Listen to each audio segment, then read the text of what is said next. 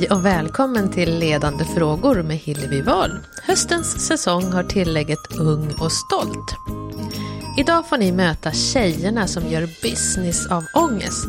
Ida Höckerstrand och Sofie Hallberg är två helt vanliga tjejer från Blekinge som flyttade till Stockholm och startade Ångestpodden som har 300 000 lyssnare per månad. Helt fantastiskt, vilken succé! Och vi pratar om allt från panikångest och medberoende till fuldagar och vänskap som superkraft. Jag som ställer de ledande frågorna heter Hillevi Wahl och är journalist, författare och inspirationsföreläsare. Och jag vill tacka Skandias idéer för livet som gör den här säsongen möjlig.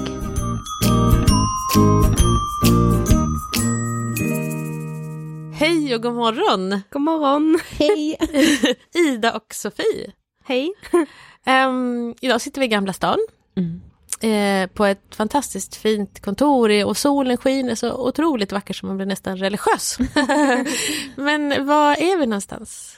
Eh, vi sitter på vårt poddnätverk Pank Media eh, som, är, som är som familjen för oss på något sätt.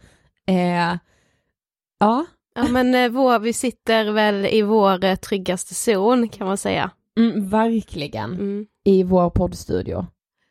Och där känner ni er som tryggast? Ja. För anledningen till att jag hittade er eller ville prata med er, det är för att ni har den här fantastiska ångestpodden. Mm. Ska vi ta lite, vad är det för någonting? Vem är ni och vad är Ångestpodden? Ja, oj, alltså vem är ni-frågan är ju så himla svår och stor. Eh, men det är ganska roligt för jag och Sofie brukar säga att vi är Ångestpodden mm. ganska ofta. för, ja men dels för att det känns så, men också för att vi är ganska bekväma med att vara det. Um, ja men om vi börjar så här, vad är Ångestpodden? Eh, Ångestpodden är eh, vår podcast som vi startade med ambitionen att bryta tabun kring psykisk ohälsa. Eh, och vi ville att det skulle bli en plattform där alla människor någon gång skulle kunna relatera. Och eh, det blev det på ett eller annat sätt i alla fall. Eh, för idag har vi 300 000 lyssnare i månaden. Det är ju helt makalöst. Ja. Mm. Och vi är egentligen bara två helt vanliga tjejer ifrån Blekinge, Karlshamn, eh, som flyttade till Stockholm för eh, fyra och ett halvt år sedan. Eh, för att vi var lite trötta på att leva småstadsliv, ville till storstan. eh, ja, det är vi. Men alltså när, när träff, hur träffades ni? Vi började i samma klass i eh, sjuan, för då började vi i musikklass. Mm. Eh, och vi hade väl inte liksom aldrig typ sett varandra innan, Nej. för jag kommer från en liten by utanför Karlshamn.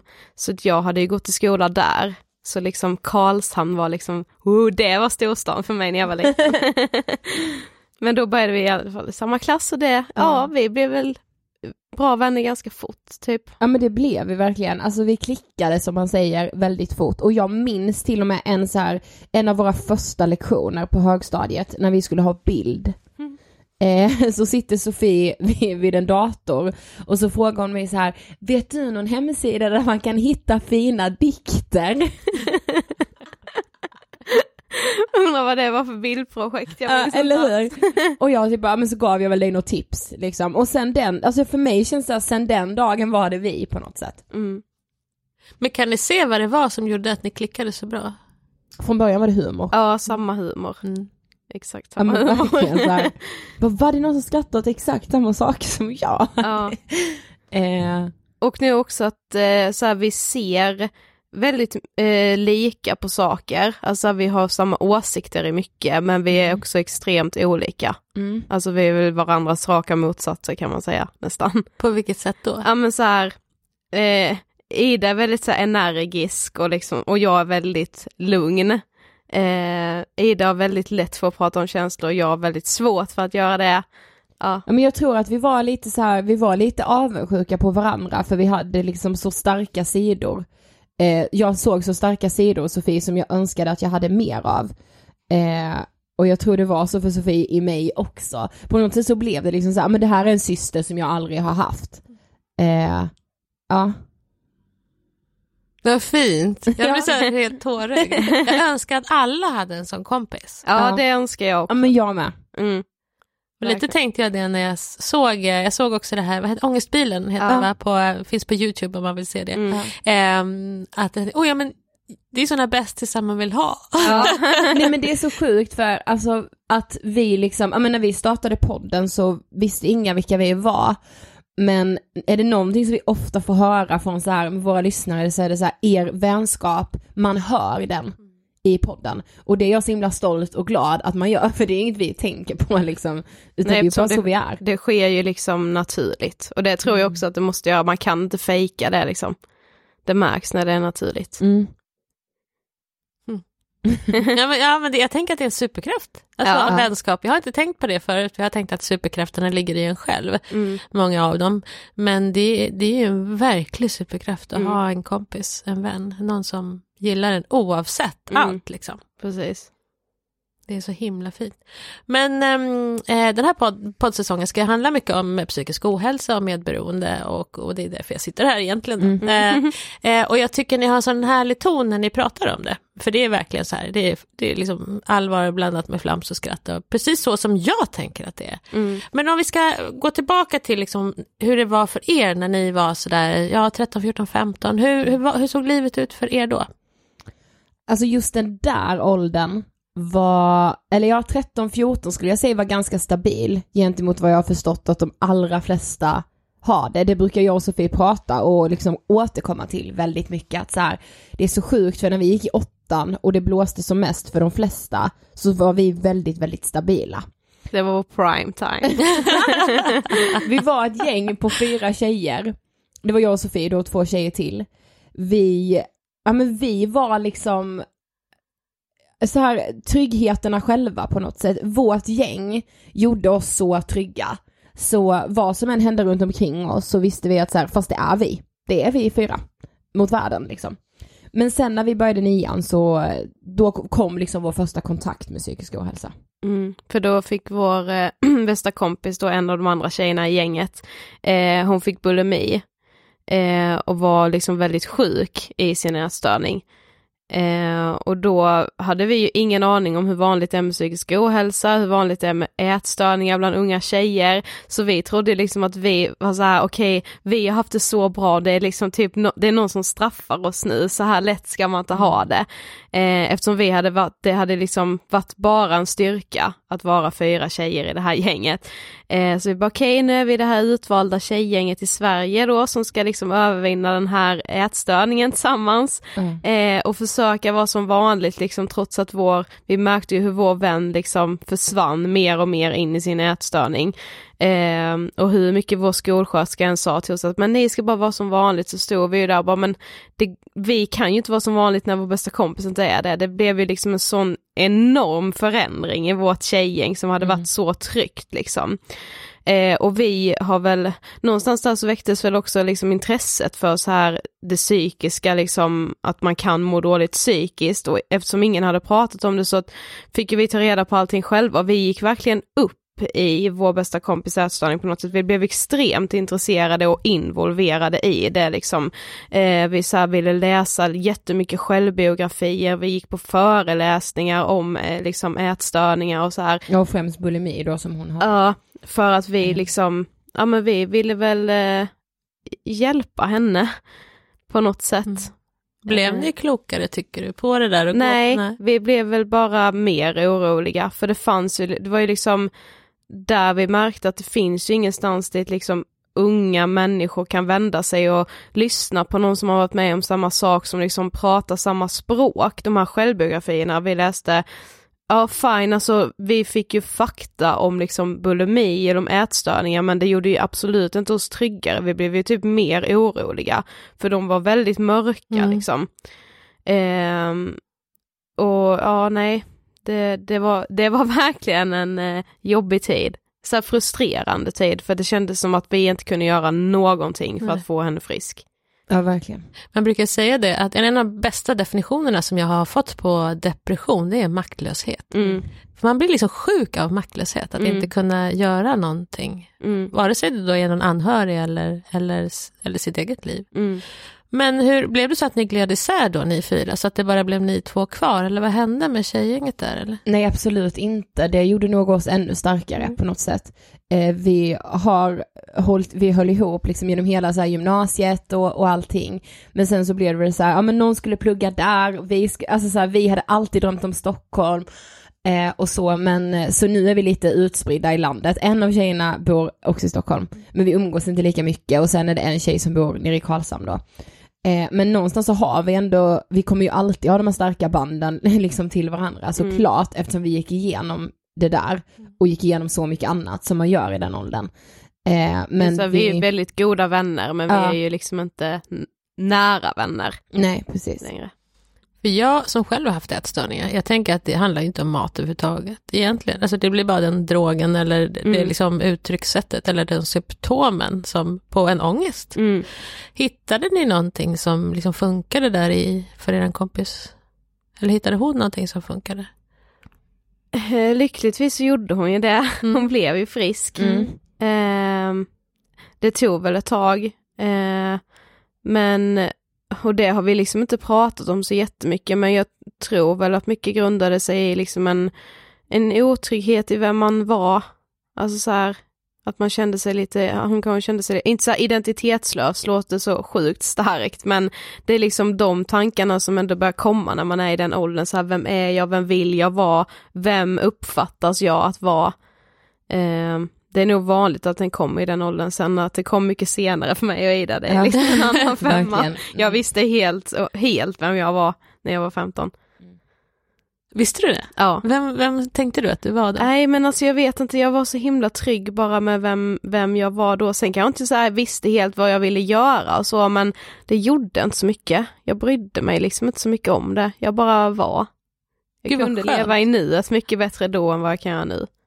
Jag tror vi tappar bort oss ganska tidigt, liksom, oss själva. Eh, för att det är så otroligt mycket förväntningar på vem man ska vara idag. Mm. Man ska vara duktig och man ska vara lyhörd och man ska vara ja, prestera på allting och så ska man helst banta hela tiden också. Liksom, det är så otroligt mycket och så ska man vara jätteduktig på sport och liksom, det går inte ihop i Nej. huvudet. Och där i alla de här som vi tror förväntningar så tappar man bort sig själv, mm. tänker jag. Att det, det börjar så tidigt. Ja, verkligen. Men sen fick du också eh, panikångest. Mm. Jag fick det tredje året på gymnasiet. Mm. Eh, så det var ju lite senare, jag var 17 när jag fick det. Eh, och det där, ja men det var också för mig helt så något helt nytt. Alltså jag hade aldrig hört talas om det, jag hade inte läst om det, vi hade inte pratat om det i skolan. Det var något helt nytt som hände liksom. Eh, och jag hade nog, detta var i slutet på gymnasiet som detta hände, det var sista året. Eh, och gymnasietiden för mig handlade egentligen bara om en sak och det var liksom att försöka vara perfekt. Och jag kunde liksom inte i min vildaste fantasi förstå att den där jakten på perfektion, att den kunde utlösa något sånt som så här panikångest liksom. Men det gjorde den. Eh, och eh, alltså min, så här, min, hela min resa i panikångesten är väldigt eh, annorlunda har jag förstått. För det tog väldigt lång tid innan jag fick den diagnosen. Eh, det var så här in och ut på akutmottagningar ehm, eh, och så här, nej alla proverna är bra men ingen som kan fråga när en ung tjej kommer in hur hon egentligen har det med stressen liksom. Mm. Det var så här, äh, sluta med p-piller, äh, sluta, alltså så här, nu ska vi röntga hjärnan, nu ska vi göra alla kontroller som går. Men ingen som ens frågade om något psykiskt. Det är såklart jättebra att de utesluter allting annat, men det är ändå väldigt konstigt. Ja det är det. För det var, det var borrelia och mm. hjärn, eller vad heter det? Hjärnhinneinflammation ja. och, ja. Det är så konstigt. Jag mm. tyckte, mm. vad blev det, 2000, det är ändå på 2000-talet. Ja, 2011 fick jag första panikångestattacken och 2013 fick jag diagnos. Men det där tycker jag är en sån tråd som går genom hela mitt liv. Alltså va, hur, va, hur, hur kan folk inte förstå? Ja, men inte ens ställa va? frågan. Nej.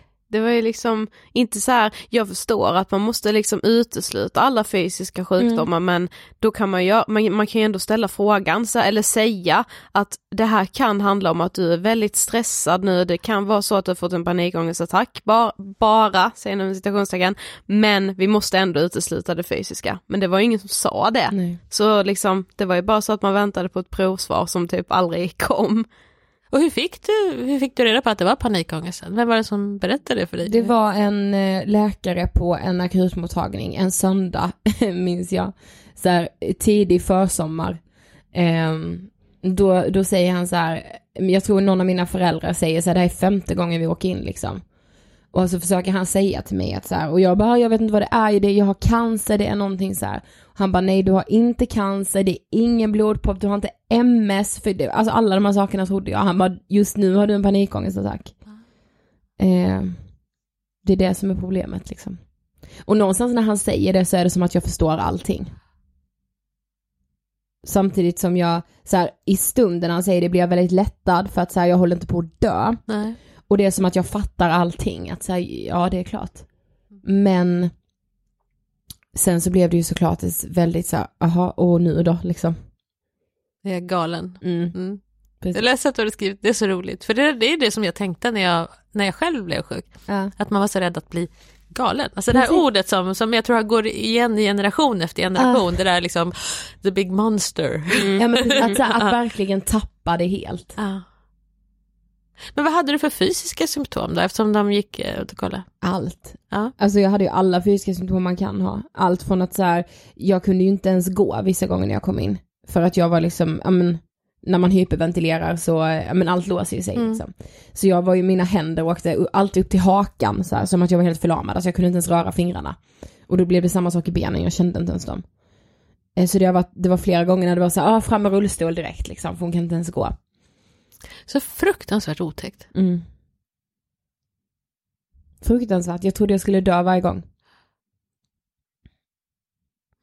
Och du var med någon gång, eller hur Sofie? Ja, några gånger var jag med. Jag var ju bland annat med en gång när jag fick skjutsa Ida i en rullstol. Um, och för mig, eftersom, alltså man vet ju ingenting om psykisk ohälsa eftersom man inte pratar om det och det var liksom ingen, ingen vuxen så här runt omkring heller som bara, men det kan ju bara, bara vara ångest eller så här panikångest. Um, så för mig blev det ju mer så här varenda gång Ida var på sjukhuset och hade tagit liksom prover och så att så kunde ju hon smsa bara men vi har tagit massa prover nu, vi ska vänta, det tar väl typ någon timme innan provsvaren kommer. Men jag kunde ju liksom ändå på något sätt ligga och hoppas på att de skulle hitta någonting. Mm. För, för mig blev det bara, det blev så orealistiskt för jag såg ju vad som hände med Idas kropp, jag såg ju när händerna låste sig. Jag bara, men det kan de ju inte göra bara sådär utan att det skulle vara någonting. Så för mig blev det ju liksom lika så frustrerande och irriterande varje gång Ida så här, i, i ett glädjebesked bara åh det var inget, alltså jag förstår ju den lättnaden när man ligger där på en brits och tror att man har cancer är det väl ashärligt och när läkare kommer och säger att nej men det var inget. Men för mig blev det bara så här, men hur kan det inte vara någonting? Någonting är det, vad är det de missar liksom? Och så var det liksom, så var det panikångest. Mm. Det som jag tänker på direkt är ju att det är så konstigt att man inte pratar om det här i skolorna. Precis som du säger, att ni inte hade en aning om mm. vad, vad tänker ni om det idag liksom? Nej men att det inte får vara så. Mm. mm.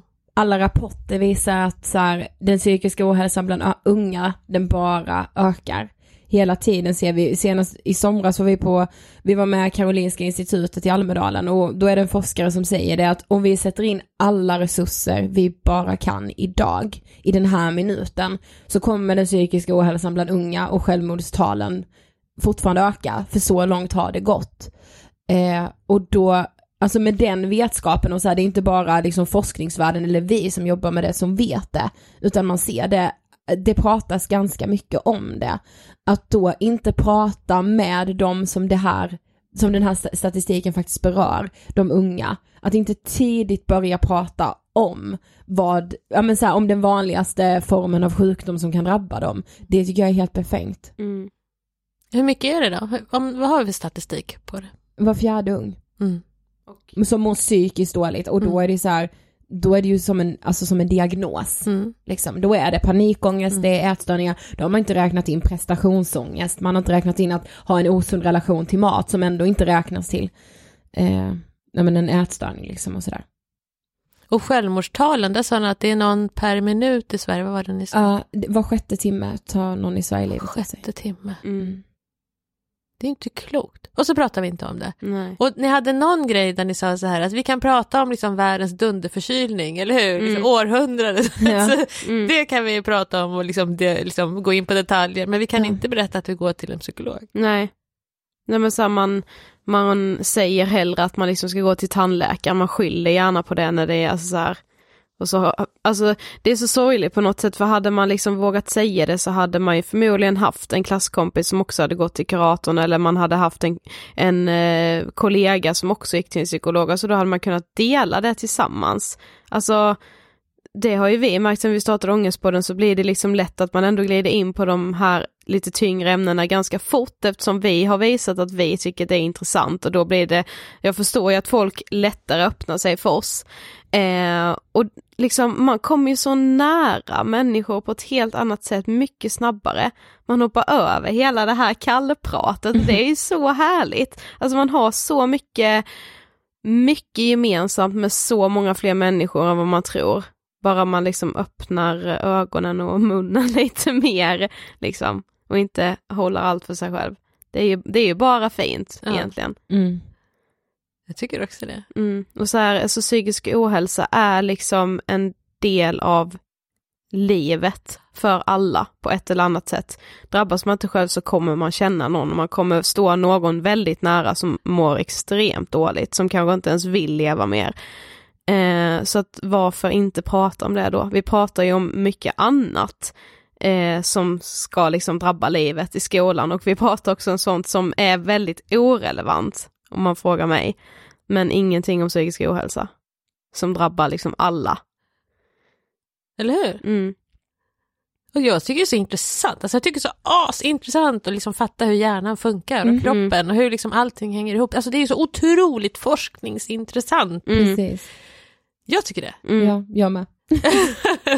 Nej, Någon gång kanske jag ska bli läkare. Ja. Nästa liv. ja. Men, eh, men för ni pratar inte bara om alltså, direkt psykisk ohälsa med diagnoser i eran, utan ni pratar om allt det där andra som kan vara förstadier till, Mm. eller som liksom handlar om det här som vi säger är bara livet. Mm.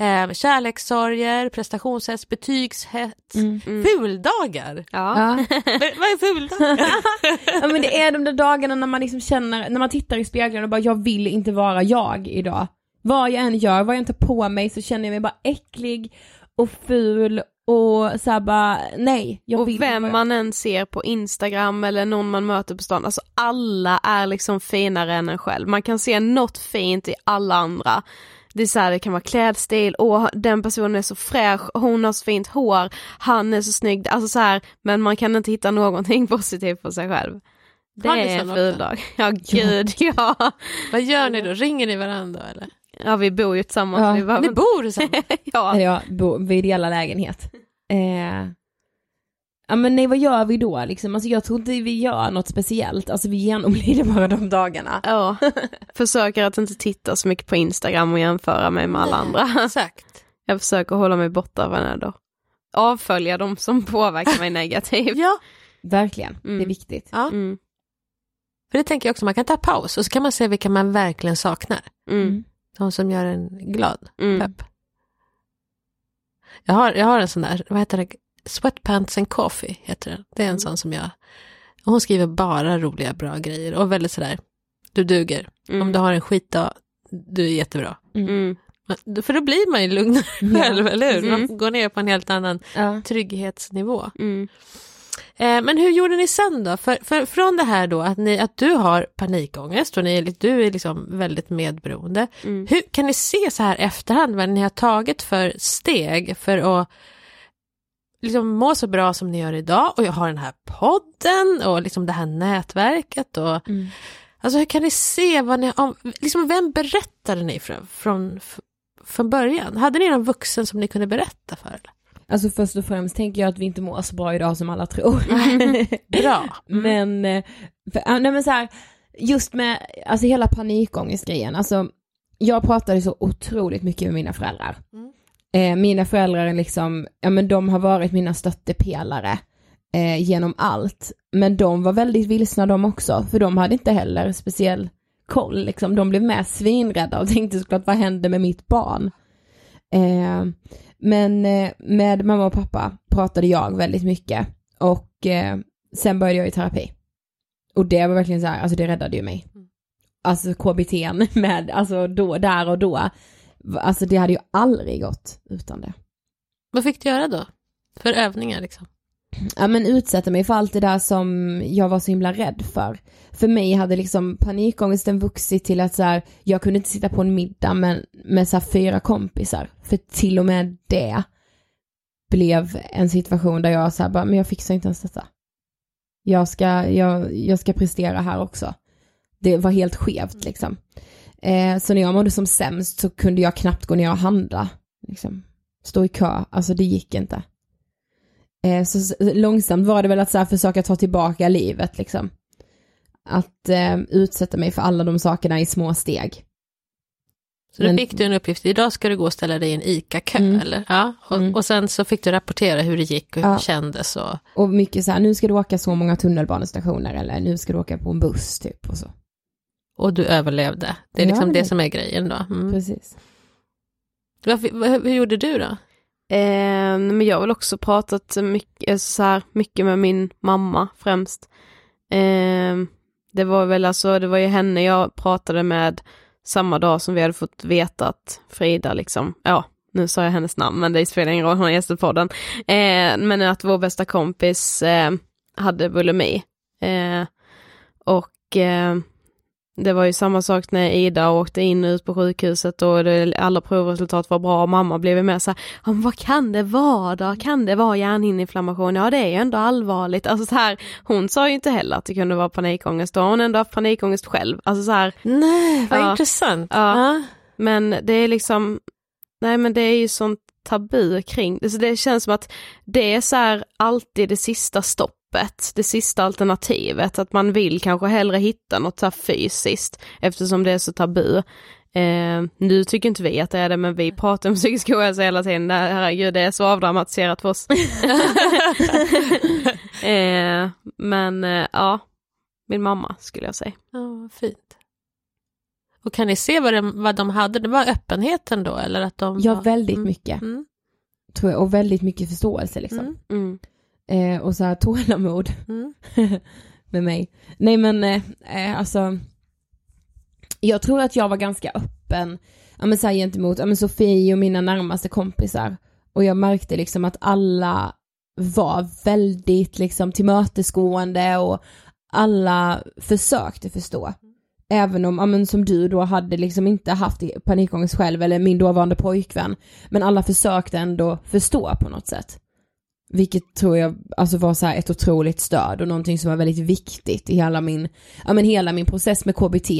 Men också liksom efter KBT för att så här vidmakthålla det som, som ja, men jag hade lärt mig. Ja, så här, eftersom det är så vanligt, det är inte det att det är svårt att hitta info om panikångest, alltså det finns ju, googlar du så kommer det upp hur mycket som helst. Mm. Men det var ju det vi tyckte var så sjukt att ja det finns hur mycket fakta som helst men varför har man inte pratat om det tidigare då? Det är liksom den här skräcken och rädslan som man får liksom runt omkring det.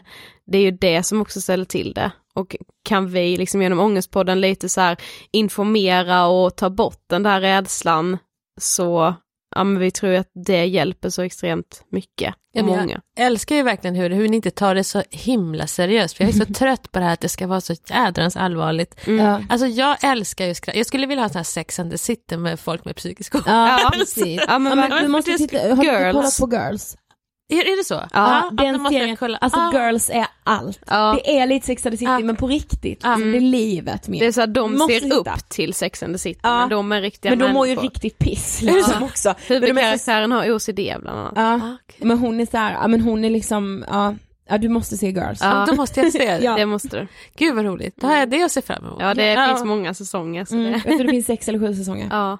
För det är ju en sån sak som jag faktiskt tänkte på när jag har sett några intervjuer med er så här i morgonsoffor och så. Mm. Att hur de vuxna blir så här helt, åh men ni, alltså ni, ni, ni, ni, ni, ni säger väl nu att ni inte är psykologer. Ja, alltså de är så precis. himla nervösa för ni kan väl inte skratta för mycket här mm. nu om det här är ju ja, allvarliga saker. Och det är verkligen mm. alla, alla äldre är så jävla ja, rädda. För ja. Det är inte en enda ung människa som har satt på vår podd i tron om att vi är psykologer. Nej. Och det är, så, det är ingen som tror det, alltså jag förstår inte heller. Det, exakt som du säger, alltid det här nervösa och åh gud och de här tjejerna, de lite vågar. Nej, men så och... bara, gud vad fint att ni gör detta. Ah. Vi bara, ja det är inte det att vi ska fortsätta göra det här själva, alla måste ju, vi vill ju bara inspirera all, alla till att också våga. Det är inte så att vi är liksom de utvalda som ska prata om det här.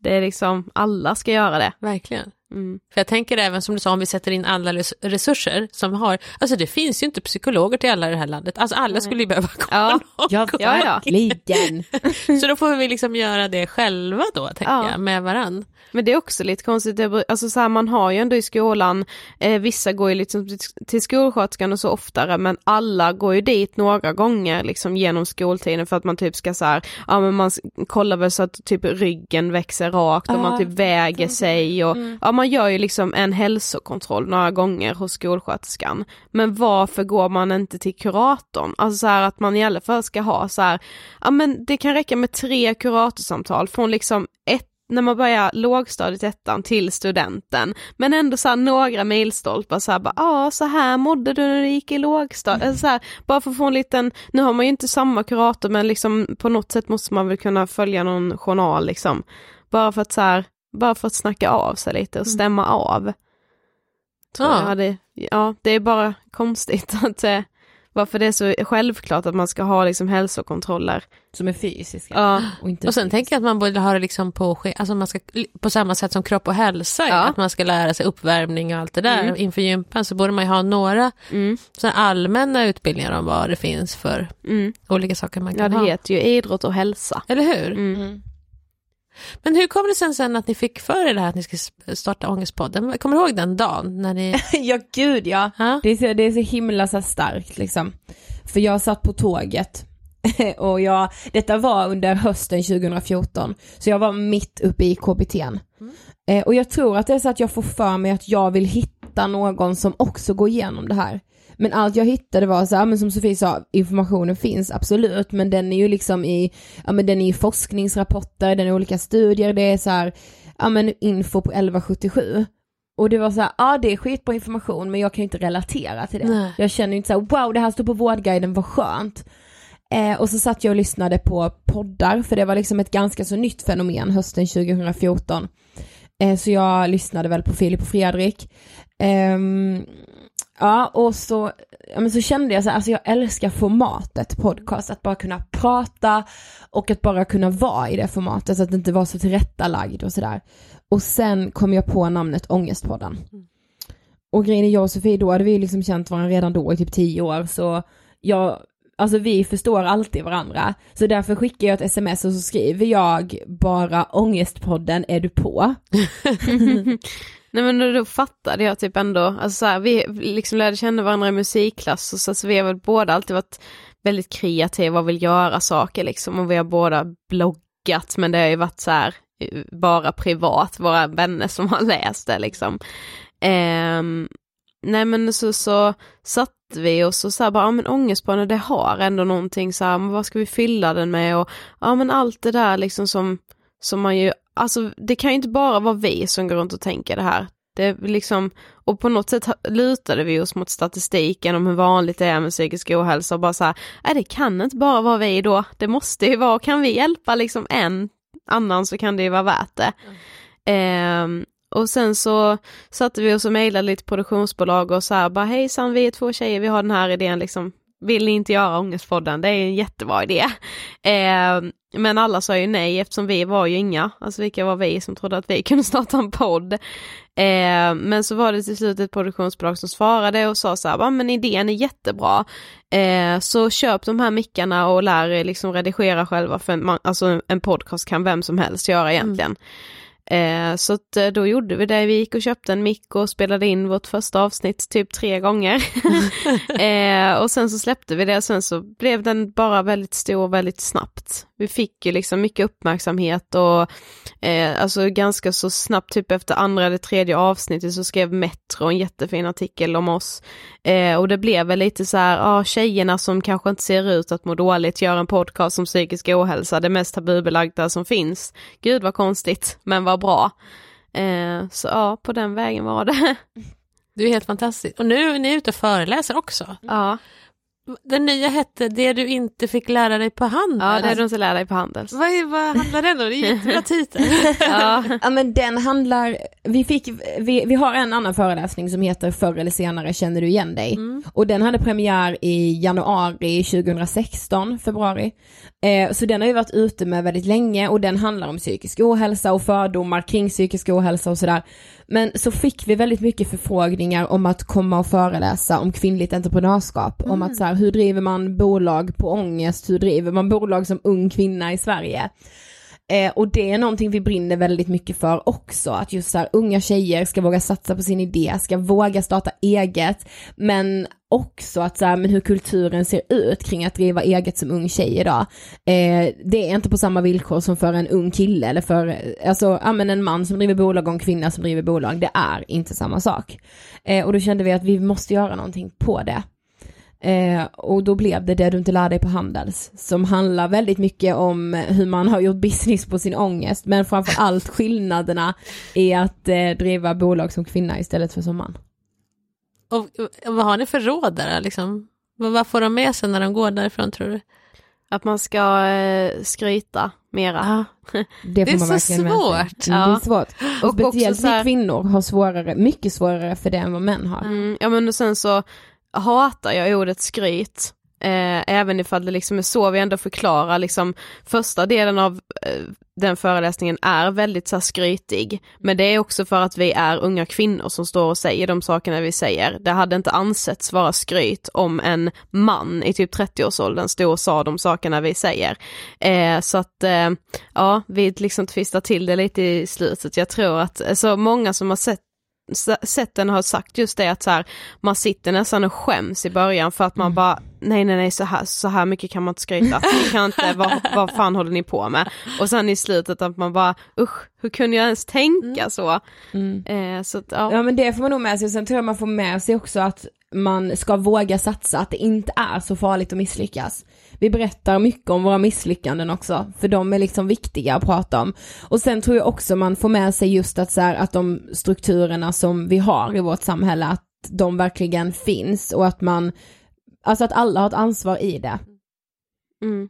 Och att så alla, alltså alla människor gör fel hela tiden, men det är det man också lär sig någonting av. Absolut. Mm. Jag vill att nästan att man ska skriva in det i schemat så här. Liksom. Eller åtminstone ha en, jag tror det är Schyffert som har hade någon lista på 10-20 misslyckanden som han skulle göra innan han var klar. Så bara liksom när han gjorde ett så skrev han bara upp det. Bra, då har jag gjort den. Då har jag bara 19 kvar. Ja, men precis. Ja. Att man liksom går ut med det mm. direkt. Mm. Men hur känns det nu då när ni är ute och ni, ni kan använda era egenskaper eller mm. erfarenheter, mm. allt det ni är och allt det ni vet idag? Alltså hur känns det i er när ni kan använda er av det och göra skillnad? bra. jag bara ska komma på något bättre att säga än bra just. Nej men alltså det känns väl alltså overkligt många gånger. Eh, så här, eh, så här, nu när du ens ställer frågan så är det så här, oj, ja tänk att jag kan det. Alltså så här, mm. att man inte riktigt kanske, alltså det är överdådigt, alltså det går inte riktigt att ta in. Eh, för varje mail, meddelande eller person som kommer fram på stan, alltså det är fortfarande så stort så att det inte går att ta in på något sätt. Att man kan påverka och att man eh, har möjligheten att vara en röst. Eh, eftersom man jobbar så hårt och kämpar så mycket så är det så himla lätt att glömma bort att så här, fast man har ju ändå kommit en bit på vägen. För man vill ju liksom bara längre fram på något sätt. Men i stunder så känner jag i alla fall en så här otrolig stolthet ändå över att så här, ja men att vi bestämde oss och att vi gjorde det och att det gick. Ja men jag känner också så här en tacksamhet på något sätt för att Alltså det var, för ett tag sedan så var det liksom olika så här, oberoende personer av varandra som liksom sa till oss ja ah, men vad är kvittot nu då? Hur ska man leva för att inte ha ångest? Och vi bara, jaha, oj, ska vi veta det nu efter tre år med Ångestpodden? För vi har ingen aning tyvärr fortfarande.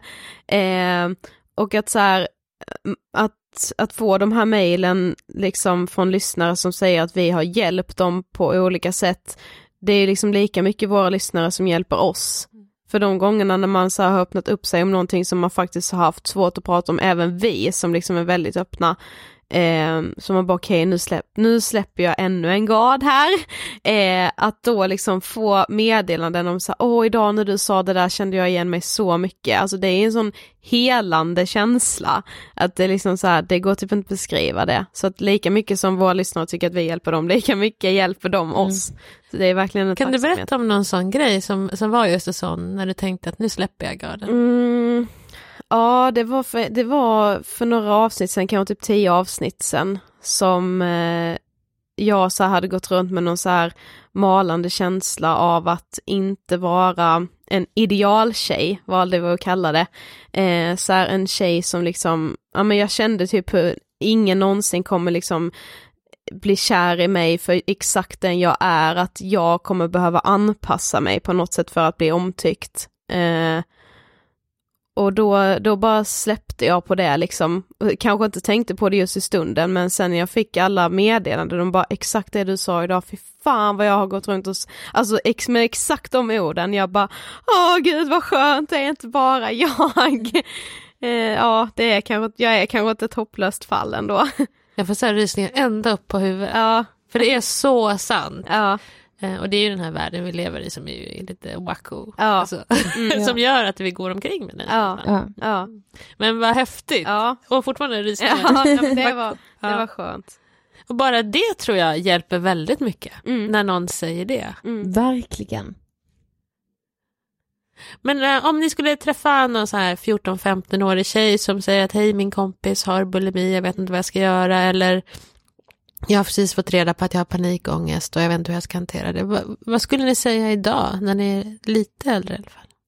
Ja men till den där kompisen som har en kompis mm. som har fått bulimi skulle jag liksom och jag, jag, vet att det låter liksom, att det är så svårt men att försöka att i den mån det går bara vara precis som vanligt. Vår skolsköterska sa ju det alltid så bara, men ni ska bara vara som vanligt. Vi bara, men det går ju inte för hon är ju inte som vanligt. Hur ska vi kunna vara det då? Men samtidigt är det ändå det rådet vi ger idag för på något sätt, det var ju ändå det vi försökte vara och det finns ju ett kvitto på att det var det rätta. Vi fortsatte ju vara vänner, vi gled liksom inte ifrån varandra på grund av hennes ätstörning, absolut Nej. inte. Vi blev ju liksom ännu närmare vänner. Så ja, att bara, bara försöka och att lyssna. Eh, det, alltså, alla är ju olika men eh, många som mår dåligt sluter sig själva, de vill absolut inte, de vill prata om allt annat än sin ätstörning men att våga vara lite jobbig då ibland och kanske fråga några extra gånger och de gångerna när de väl börjar prata så verkligen bara lyssna. Mm. Man behöver inte ha svar heller. Nej precis. Och till en, någon med panikångest, en 15-årig tjej med panikångest så skulle jag liksom verkligen säga så här, var inte rädd och du är inte ensam. För det kände jag väldigt mycket att så här, jag Alltså jag är helt ensam om det här. Det här är så sjukt. Hur jag kan vara så här sjuk i huvudet. Eh, och sen också att söka hjälp och att ta den hjälpen. Eh, att det är så viktigt. Man säger inte om man bryter ett ben att säga okej okay, jag gipsar det själv i garaget.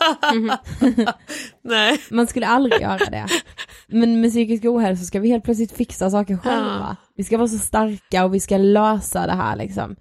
Alltså så här, jag tycker det är helt sjukt. Att så här, du behöver inte fixa det själv, absolut inte. Men gud, vilket bra avslut. Mm. Försök inte gipsa dig själv. Nej, garage. försök inte gipsa det där benet. Det själen, bra. själen behöver liksom också hjälp ibland. Ja. ja. Stort tack för att ni ville vara med. Tack för att ni fick vara med. Och ni är helt fantastiska och jag måste gå och se er show. Och så ska jag titta på den här Girls. Yes, det ska ja, du göra. Ja, ja. Alla säsonger, det var att plöja. tack snälla. Tack. Tack Ida och Sofie för att ni fortsätter vara precis så där spontana och härliga som ni är. Och visar att det går alldeles utmärkt att prata om ångest utan att vara psykolog. Länkar till Ångestpodden och Ångestbilen och bra sajter som man kan vända sig till om man har ångest hittar ni på poddens beskrivning. De finns även på hemsidan på Facebook. Och om ni gillade samtalet så blir jag jätteglad om ni delar vidare. Och vill ni kontakta mig eller ha tips på unga inspiratörer och ledare som ni tycker att jag ska möta här i podden så finns jag alltid på hillevi.hillevi.nu. Tack för att ni lyssnade.